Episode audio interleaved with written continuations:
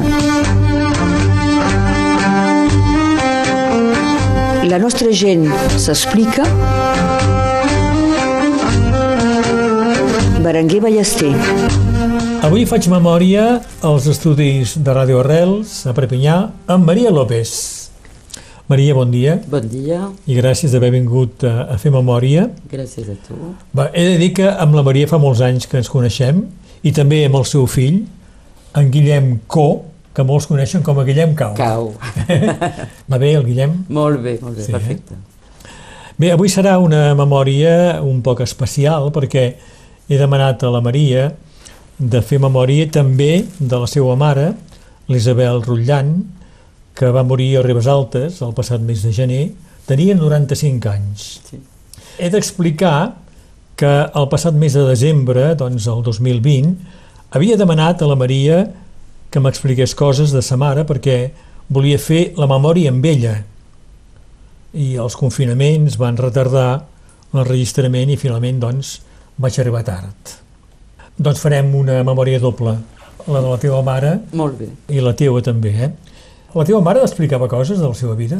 Sí, n'explicava moltes, i molt més des del referèndum, Del 1 d'octubre del, del 1 2017? d'octubre, encara molt més de, a partir d'aquest moment. Per què? Que li va Perquè fer tot reviure... això li va fer reviure tot aquell passat eh, molt dur i molt trist eh, durant la guerra. Nosaltres eh, érem molt entusiasmats pensant que aviat hi hauria una república i ella pensava que no, que no era possible, que no ho deixarien fer.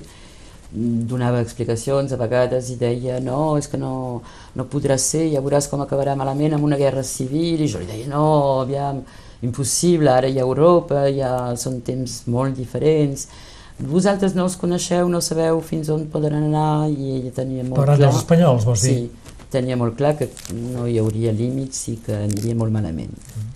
Bé, comencem pel començament. La teva mare, Isabel Rotllant i Bolacell, va néixer al poble de Pau, a l'Alt Empordà, Això. eh? l'any 25. L'any 25. Pau és un poble prop de Figueres, 14 Sí. quilòmetres de Figueres, em Sí, sembla. sí, sí, molt, molt a prop. Un poble molt maco. El seu pare, doncs el teu avi, treballava en un laboratori Els laboratoris del nord d'Espanya.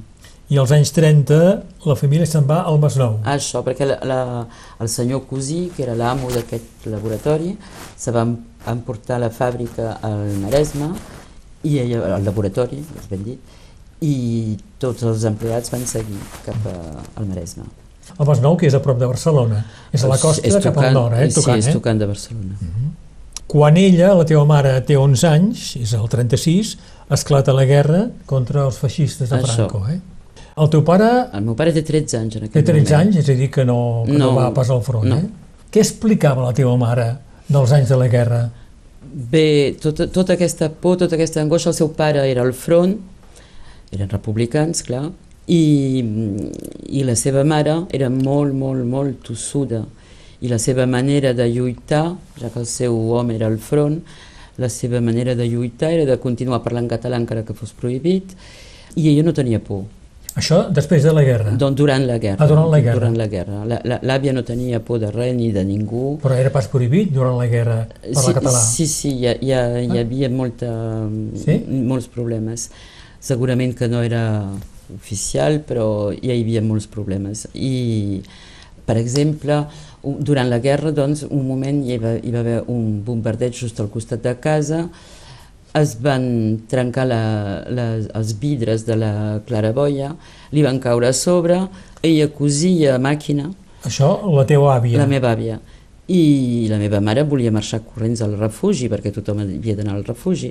Però ella no volia perquè estava cosint a màquina, els vidres li van caure a sobre, però volia acabar el que estava fent. I després anar al refugi.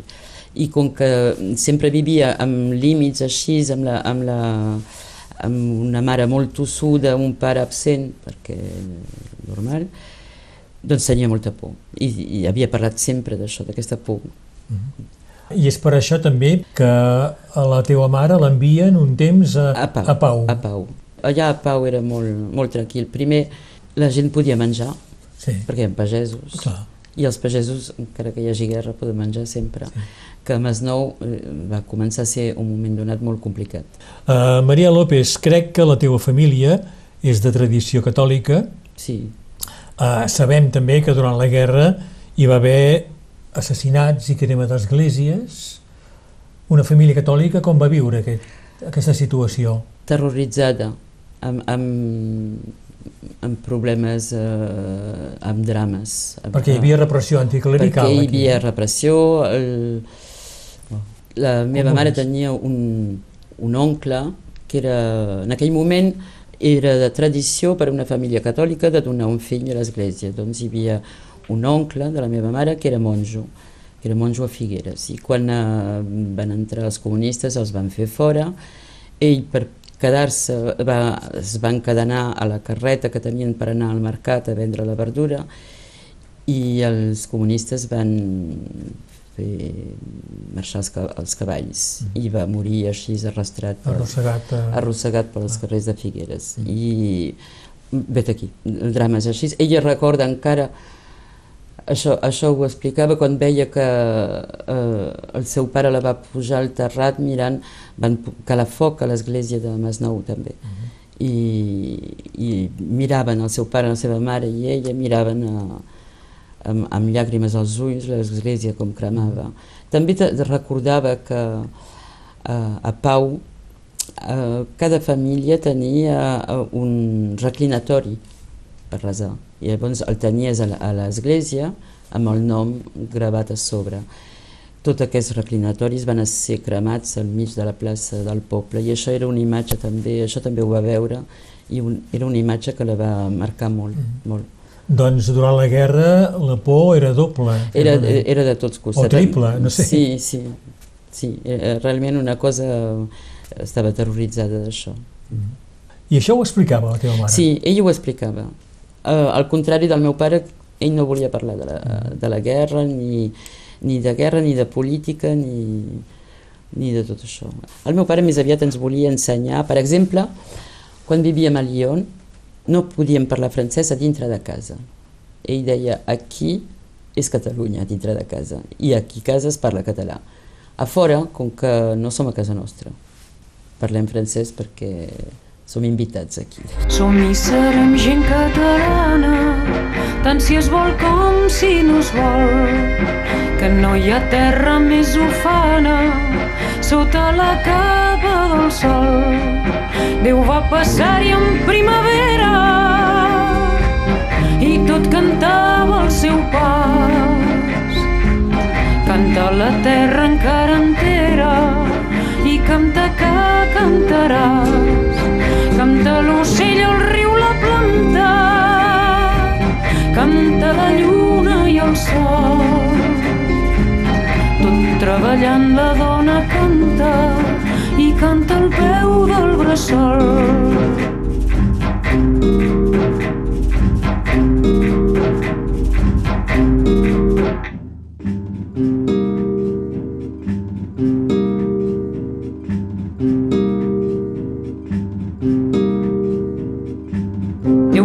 Passar-hi en primavera i tot cantava el seu pas. Canta la terra encara entera i canta que cantaràs. Canta l'ocell, el riu, la planta, canta la lluna i el sol. Tot treballant la dona canta i canta al peu del bressol som i serem gent catalana, tant si es vol com si no es vol. Que no hi ha terra més ufana sota la capa del sol. Avui faig memòria amb Maria López, parlem d'ella i també parlem de la seva mare. Ja he explicat al començament que jo havia previst eh, fer la memòria de l'Isabel Rutllant, la seva mare, que tenia 95 anys però va desaparèixer abans que jo pogués fer l'enregistrament i és per això que avui fem una memòria doble, la de la Maria López i la de la seva mare, Isabel Rutllant. Al febrer del 39 s'acaba la guerra, arriben els feixistes al Masnou i la postguerra, és clar, són, són anys de, de misèria, no?, per a la majoria de sí, població. molt, molt, molt dur, molt dur. Molt dur, hi havia poc, poc menjar, per això sempre s'havia menjat molt bé a casa. Tinc un record així, i, i tota la gent que coneixia la meva mare te podran dir que era molt bona cuinera i, i pel meu pare era molt important també perquè havíem patit molt de, de gana. O sigui que podia cuinar qualsevol cosa, Qualsevol amb cosa, qualsevol cosa. i a qualsevol moment. Sí. Sempre hi havia menjar bo a casa, sempre. La nevera plena, i el meu pare mai havia volgut ni, ni tenir una casa pròpia, ni... perquè l'essencial de la vida per ell era que tinguéssim tots el plat a taula. Tenia, ens ensenyava coses molt boniques. Per exemple, una vegada ens va reunir i va dir, mireu, us ensenyaré que es pot compartir tot. Sempre podem compartir. I llavors eh, eh, havia posat un, al balcó un test amb una maduixera. Hi havia sortit una maduixa. Som cinc, i d'aquesta maduixa menjarem tots cinc, perquè jo us ensenyaré que podem compartir tot. I llavors va partir. Els meus germans reien perquè se n'enfotien, perquè ho trobaven un poc, un poc ridícul, però jo tenia molta... Esclar. Però l'idea la vas entendre tu. Sí, i, i, i vas fer un, cinc trossets d'aquella maduixeta i cadascú un trosset, veieu? Una maduixa fins i tot cinc es pot partir i sempre deia el gran perquè és gran i el petit perquè és petit i el mitjà perquè clar és, és el mig. La maduixa. Bé, eh, doncs aquesta postguerra també és temps de, de repressió, de por, ho has explicat, d'espanyolització també, Sí, sí, sí. de prohibició radical de la llengua. Radical. Una vegada, la, la, penso que era el, durant els Jocs Olímpics el 92, hi va haver un discurs del rei que deia que mai s'havia prohibit de parlar català. Pensava que tenia un atac, Sí. Perquè va- fer un vot de. La teva Com mare, pot, eh? sí, com pot dir aquestes coses? Abans has explicat que la, la teva àvia, doncs la mare Sí. de la teva mare, era molt tossuda. Molt tossuda. També amb la llengua. Amb la llengua. Era la seva manera de lluitar. Ella Sí. deia que, mira, durant la guerra els homes al front, clar, perquè aquell moment era així, però ella no podia anar al front, però per contra lluitava a la seva manera, i la seva manera era mantenir la llengua. I aquesta tossuderia de mantenir la llengua després de la guerra li va portar problemes. Eh, sí, li va portar problemes perquè ja, ja l'havien clissat a l'Ajuntament, van avisar la meva mare i li van dir tu no deixis anar la teva mare al mercat.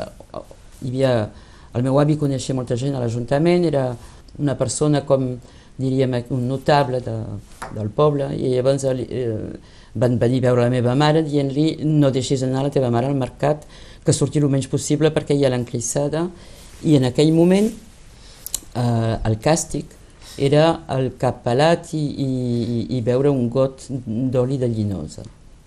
És A les dones que a parlaven les català? dones que parlaven català al mercat, sí. Era un càstig molt dur, molt dur, perquè quan estàs molt... quan no pots anar de ventre amb una cullereta petita i en tens prou, imagina un got. I pobres dones, era... Bo. I aquest va ser el motiu que anéssiu finalment a Lió? No, eh, un- una mica sí, una mica no. Mira, el meu pare era molt bon obrer i llavors un dia estava treballant amb una façana i va passar un arquitecte i el va veure treballar i l'estava mirant i al cap d'un moment li va proposar, li va dir vol venir a treballar a Lyon? Bo, mm, com? Però com? I llavors era una empresa molt, molt important de Lyon i li va dir si ve a treballar li donem el contracte fins i tot els hi van regalar la vaixella que encara hi ha plats que tenen li van proposar un bon salari li van proposar eh, un lloc per allotjar de seguida amb la família i s'ho van parlar amb la, amb la mare i s'ho van pensar molt poc de fet perquè allà la situació econòmica era molt dura s'havia acabat la guerra ja feia molts anys però encara sempre deia encara era postguerra eh? Sí. encara hi havia gent que menjaven farinetes, sempre l'he sentit a, a dir això, jo no sé el que són les farinetes, però ella sempre deia, ui, quan va marxar, encara hi havia molta gent que menjaven farinetes, eh? Bon, doncs hi arribarem a, a Lió perquè la família hi va l'any 56. Tu naixeràs a, a Lió, eh? Sí. Tinc al cap una vinya a l'hivern, set atges del meu lloc que enraonen amb el vent, a cada cep un parlar diferent. Si l'enllacat és nou o l'enllacat és vell, tinc al cap una vinya a l'hivern. Tinc al cap una vinya a l'hivern. Tinc el cap envoltades de pocs anys que porten a venir d'arrels de vida cant. Ai, si vinguessin vells d'empaltades na cal per criar gatimells i fer rins pels amants. Tinc el cap empaltades de pocs anys. Tinc el cap empaltades de pocs anys. Tinc al cap una vinya a l'hivern quan tot es fa petit com al començament de rabassa a rabassa, de xirment a xirment, fulla a fulla passa, hem de ser molt pacient. Tinc al cap una vinya a l'hivern, tinc al cap una vinya a l'hivern. Tinc al cap una vinya a l'hivern, quan de novembre a març fem cos naturalment. Natura del meu lloc, Caspre, som bona gent. La terra no és un joc ni un divertiment. Tinc al cap una vinya a l'hivern. Tinc al cap una vinya a l'hivern. Tinc al cap molt més coses a vos dir, però ara de moment us vull parlar de vi, que si fa molt de temps, vinya, un hivern, sapatges del meu lloc enraonen amb el vent.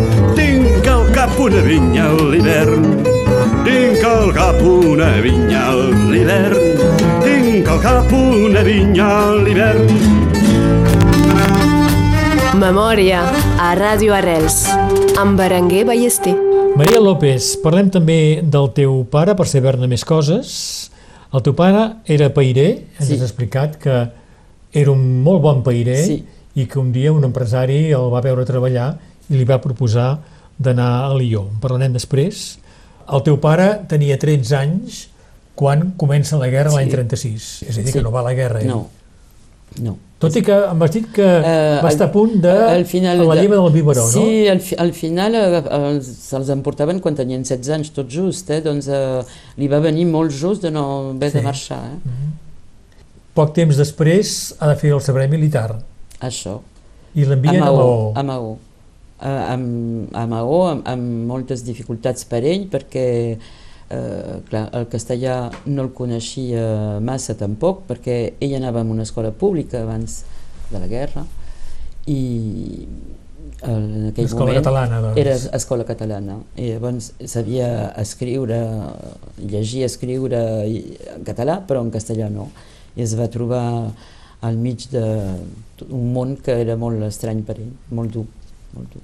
Vull dir, acabada la guerra, doncs a principis de la postguerra suposo que la situació és molt dura a nivell Molt, dels militars que han guanyat la guerra. molt dura perquè eh, guardava a Maó estava guardant eh, els presos que havien de ser fusellats, encara se fusellava gent en aquell Sí. moment.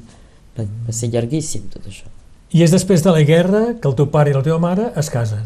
Això, de, bueno, Es coneixien de fa molt temps, no? De, de, De jovenets. De molt jovenets, molt jovenets. Van festejar 9 anys, No. I tenen dos fills. dos fills. Eh? Un que neix a Masnou i l'altre a Badalona. I és eh, després, ja n'hem parlat, que la família se'n va a Lió perquè Això. li proposen al teu pare, que és un bon pairer, d'anar a treballar a Lió de pairer. Eh? Això. I l'any 56 la família, el pare i la mare i dos fills s'instal·len a, A a Lió. Lió i tu arribaràs dos anys després. Això. Tu neixes a Lió, Sí. ets lionesa. No, Ah, però el teu carnet d'identitat posa Lió. sí, però jo justament un dia plorant li vaig dir a la meva mare jo ningú no em vol, perquè com que aquí a l'escola em diuen eh, ah, ma Marie López c'est espanyol, alors i jo quan anava al, al sud, doncs, quan anava a passar les vacances a els avis, eh, quan arribava deia, ai mira, arriba la francesa, perquè havia nascut a, a Lió. I llavors un dia plorant a la meva mare li dic, jo ningú no em vol, sempre aquí em diuen la francesa, allà em diuen que sóc espanyola jo ningú no em vol. I em va dir, no, res, nosaltres que parlem a casa parlem català, doncs tu no ets ni francesa ni espanyola, tu ets catalana com nosaltres, nosaltres som catalans. Aquí. Perquè a casa parlàveu català. A casa parlàvem català. El pare deia, uh, dintre de casa és Catalunya i aquí parlem català. Tenia molta por que oblidéssim de, de, el nostre idioma. Ah. I això era molt important per ell també. I llavors eh, deia, a dintre de casa era prohibit parlar francès. I a fora era prohibit parlar català, perquè a Lió ell deia no som a casa nostra, som invitats. I ens hem de comportar com invitats, doncs no. El teu pare era enganxat políticament? Gens, ni mica, Ah. no em volia ni a sentir parlar. Cadascú podia tenir la seva opinió, ens deixava molt lliures de pensar i, i ens invitava justament a pensar, a reflexionar, però no volia eh, conèixer les opinions de ningú de casa perquè deia a casa no es parla de política, perquè justament havia patit molt durant la guerra. Sí. La seva família era dividida, així com a la família de la mare tothom era del mateix bàndol, era molt més senzill. Però la família del meu pare era molt dividida. Hi havia comunistes i hi havia religiosos. I va posar molts problemes, clar. Uh, Maria, doncs la família, pare, mare i dos fills, se'n van a Lió l'any 56. Què en saps de l'adaptació de la família? El, el canvi de país, la llengua, tot això? El pare, Tot- la mare i els teus germans. Ten, tenien una vida uh, fantàstica, la meva mare sempre en parlava. Tenien Però l'adaptació va ser fàcil, doncs? Molt fàcil, molt fàcil. Sabien molt poc de francès, eh? però van aprendre bastant ràpidament. El meu germà gran tenia 7 anys quan van venir i els nens aprenen Sí. molt ràpidament un idioma i llavors eh, també ajudava els pares a traduir coses, eh, eh, explicava anècdotes, eh, la mare explicava al principi, molt al principi, volia cansalada i anava a comprar cansalada i tornava amb un enciam. Clar. I llavors li va passar tres cops això i, i, i, i llavors va dir no pot ser, no pot ser, m'he d'espavilar d'una altra manera. I llavors demanava al meu germà d'apuntar-li noms de, de coses, que ell, pobret, era petit, però bo... Però ho sabia més que ella. En sabia ja més que ella, perquè ella coneixia el francès de, de lo que havia après a l'escola, però, però clar, feia molt de temps. Cansalada, salada.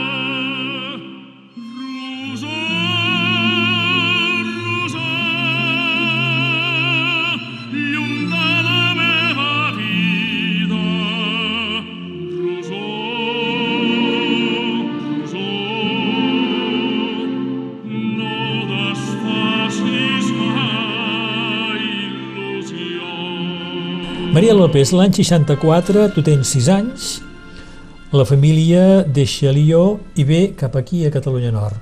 Sí, Us instal·leu a Peires Tortes. sí aquí va ser una, un, una època molt trista per la meva mare.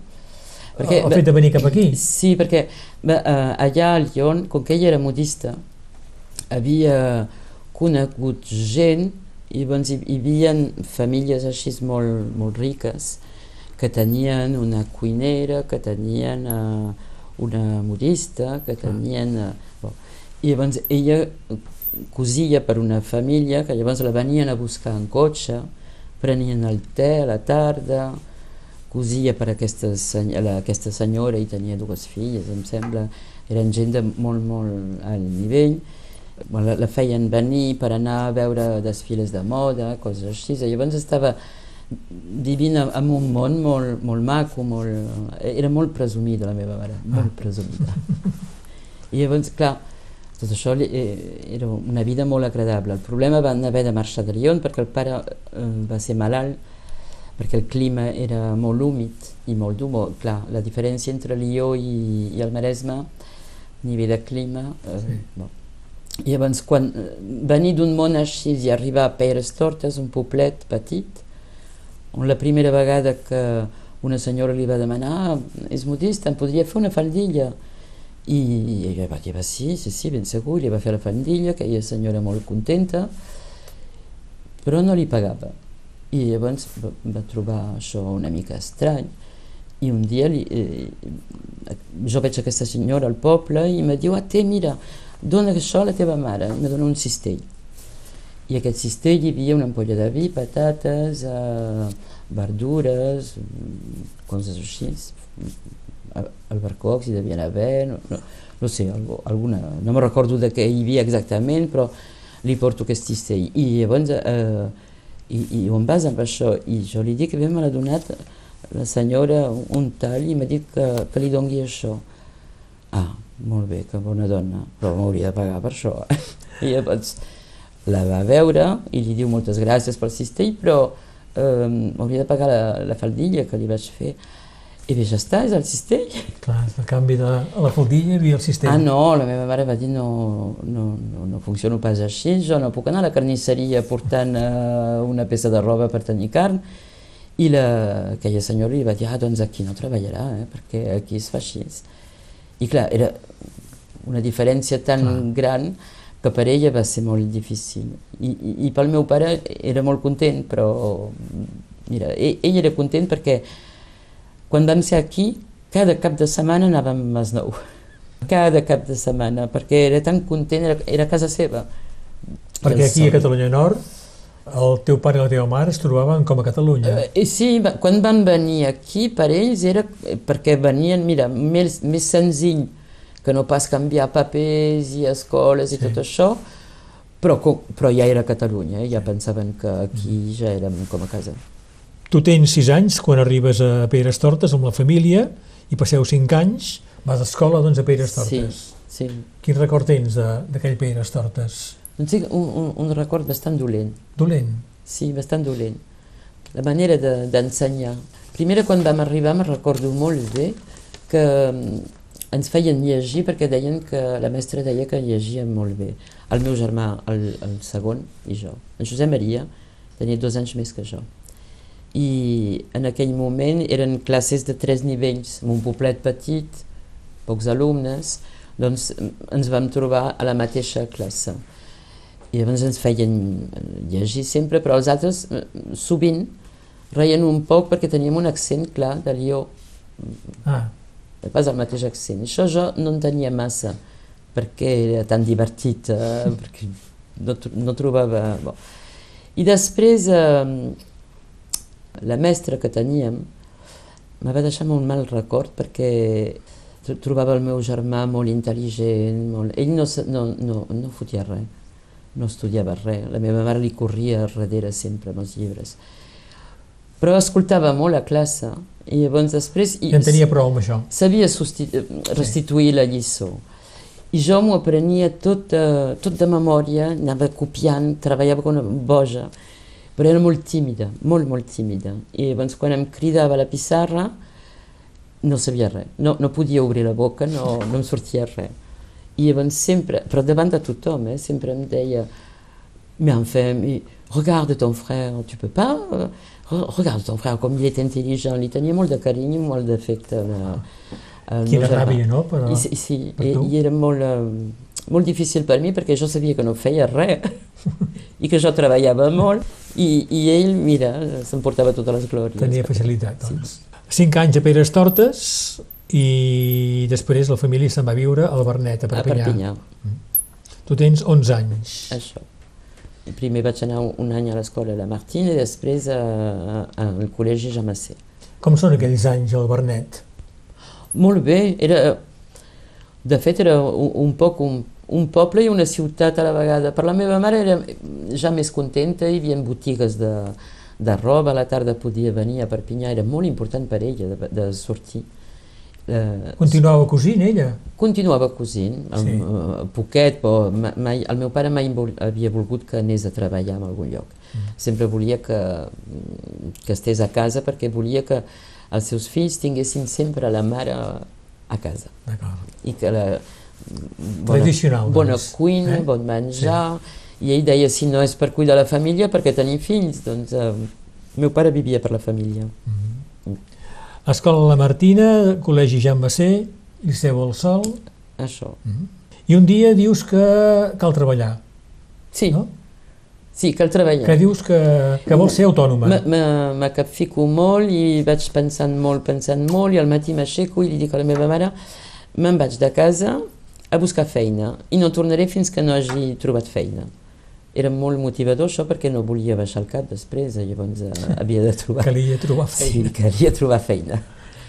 I no sabia massa com fer-ho, però vaig agafar el carrer de la- de l'estació i vaig començar entrant a demanar a per tot arreu si necessitaven una secretària. I me deien que no, o que m'escriurien, o que s'ho pensarien, o... i jo vaig anar fent tota la vinguda d'aquesta de l'estació fins a arribar a la punta que hi havia via turisme. I llavors, eh, quan vaig entrar vaig demanar si volien una secretària, me van dir que no, però que una safata sí. Llavors, què consistia? Molt, molt senzilla. Hi havia tres línies d'autobusos en aquell moment que sortien que sortien després de la correspondència del tren de París. Hi havia molta gent en aquell moment, els, trens, els autobusos sortien plens, eh? I, i llavors els havíem de, de plaçar l'autobús, hi havia una línia que anava a Girona, una a Sant Feliu de Guíxols i l'altra a Tossa de Mar. L'única feina consistia en controlar les identitats de la gent, comptar-les i al passar la frontera dir, eh, mira, eh, quan posava el, el guàrdia li, o jo baixava a dir-li al, al guàrdia tinc tants francesos, tants espanyols, tants belgues, tants uh, d'això i passava l'autobús i ja està. I de tant en tant controlaven i si t'equivocaves després te controlaven cada dia. Això va I em passar. va passar una vegada. D'acord. I què volia dir equivocar-se? Equivocar-se vol dir que, per exemple, eh, no, no devia ser massa despertada aquell dia i, i un, un neozelandès vaig dir que era holandès i llavors com Ah. que vaig equivocar de nacionalitat es va enfadar molt i, i després controlava cada dia, va durar uns dies, després ja...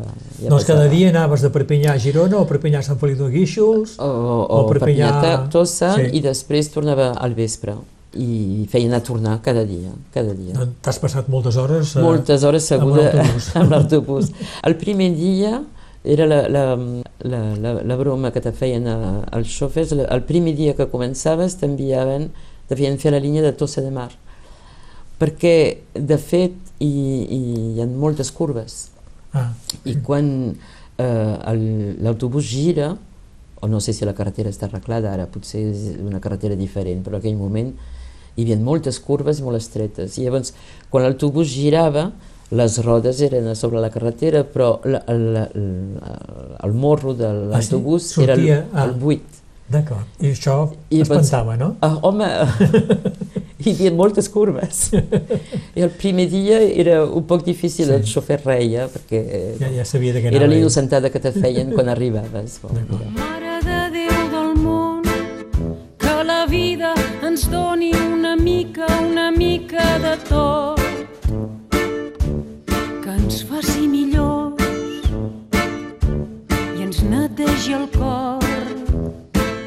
Mare de Déu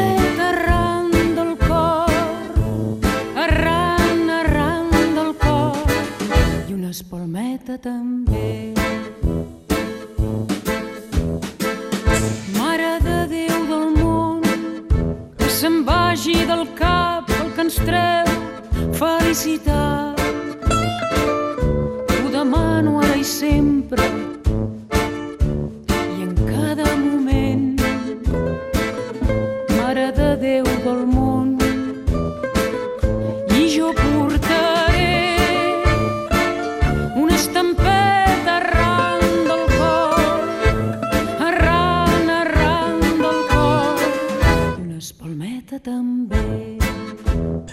Maria López, eh, després de fer d'acompanyant amb un autobús, aquest trajecte de Perpinyà Sí. a la Costa Brava, entres eh, a treballar com a secretària. Sí, perquè van treure les, les safates, van continuar les línies, no n'hi havia tantes, però van continuar les línies, però van treure les safates en aquell moment perquè ja no hi havia frontera i em van proposar de treballar al, al despatx. Employés d'écriture, deien. en aquell D'acord. moment.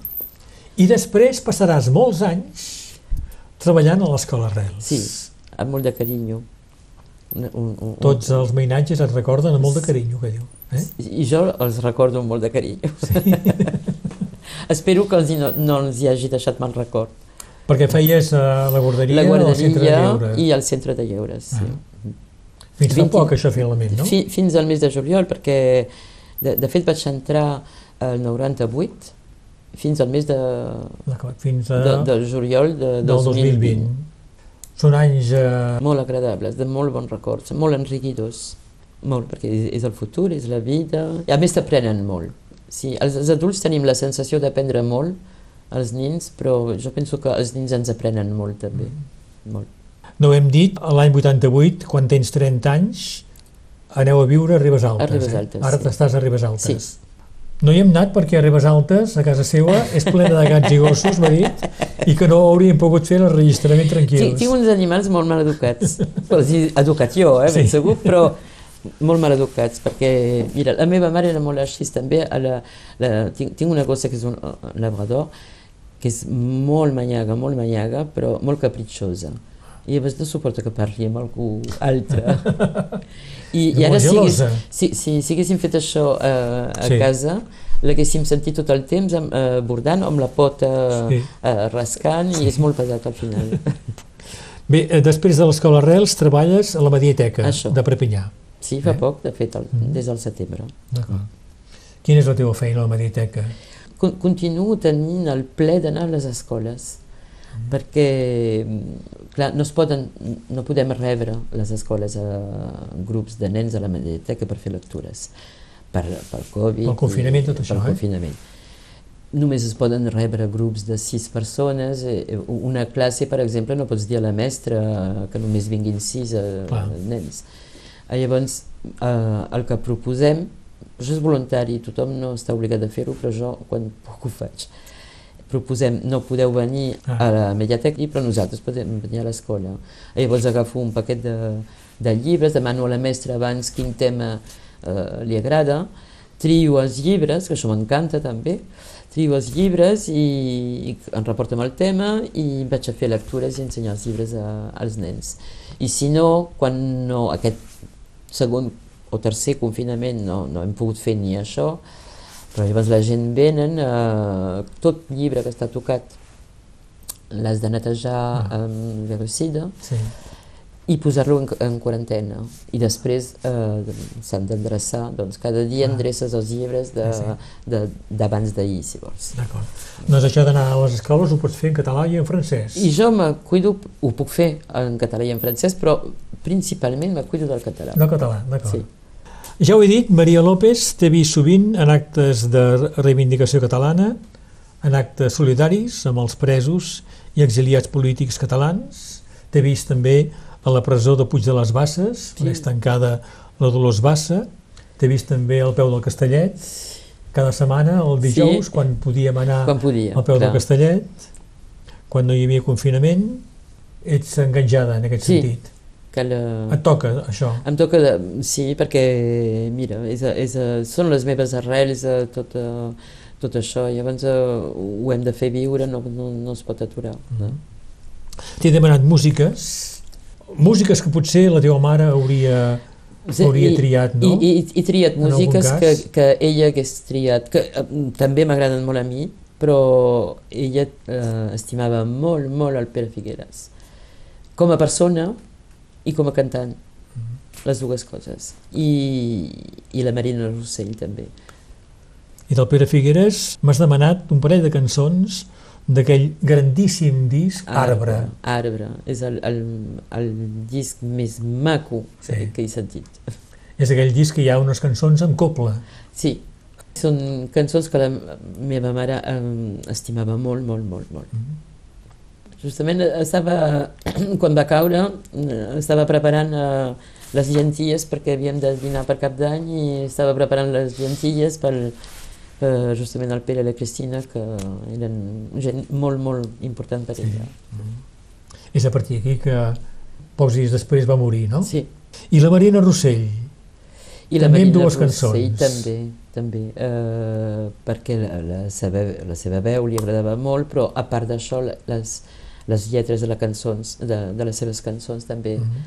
li, li agradaven molt. m'has demanat eh, Mare de Déu del món, Sí, una cançó de la Marina. Sí. Eh? M'has demanat la Santa Espina, sí la Santa Espina per, a, per, per la mare, per l'àvia, per l'avi, Sí. per, clar, per, tothom, pare, eh? per tothom. Sí. I també Rosó. Rosó, perquè el meu avi li cantava sempre aquesta cançó, la meva mare, i la meva mare ens la cantava també quan... Eh, cançó de... Mira, per dormir, quan érem petits. Us la cantava a En, vosaltres? ens la cantava també a nosaltres, i era una cançó que era molt important per ella. Que, ella tenia un, un gran afecte pel seu pare. El seu pare era un home molt cultivat, molt, estimava molt la, la seva família també, i vet aquí. I tu l'has cantada al Guillem? Aquesta cançó Mira, no, no me la sé de, de memòria, però sí, sí, i la meva mare li ha cantat també al Guillem. Sí, sí, sí. sí. Molt bé. Maria, Maria López, eh, estic content, de veritat, que hagis accedit a fer memòria.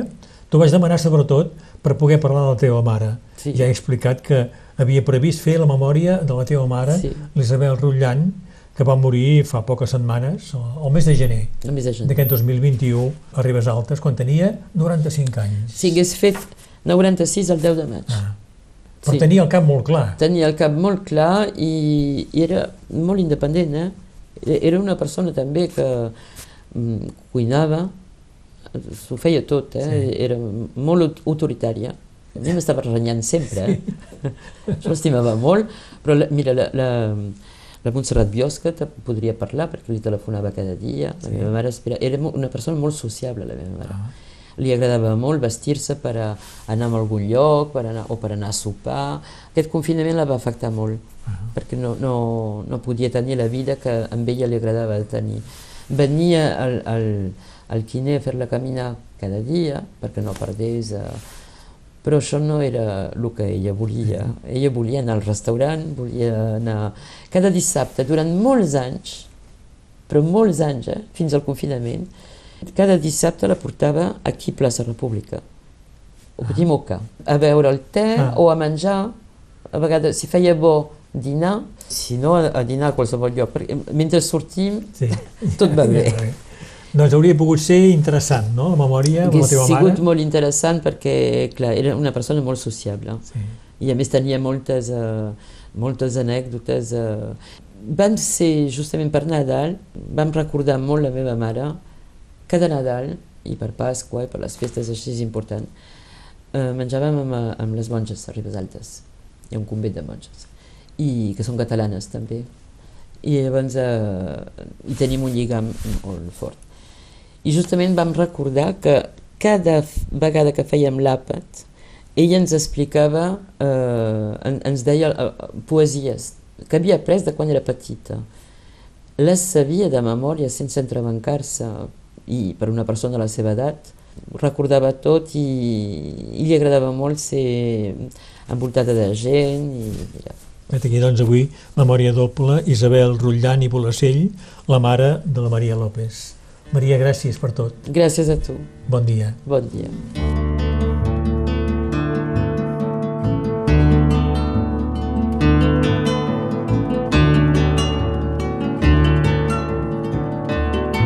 arbre de lluna d'aquí surt tota l'infantesa. Lluna de l'arbre i no pots oblidar que pesa. Si fóssim arbre tindrien potser més tendresa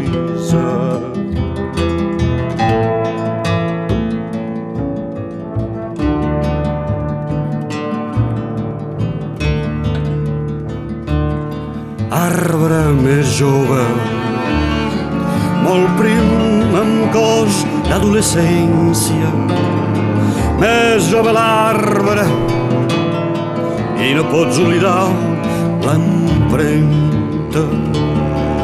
Però per ser arbre ens falta coses per aprendre. Arbre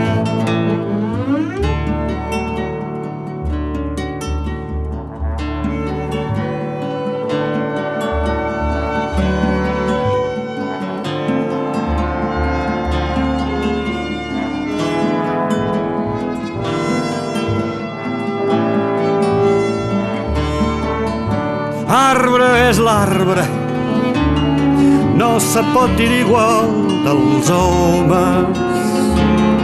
Si d'arbre en arbre es concedeix més d'un idioma, qui vol ser arbre haurà de tenir més saviesa.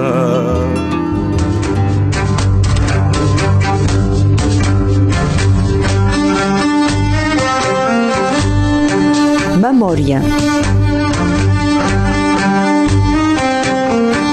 La nostra gent s'explica. Berenguer Ballester.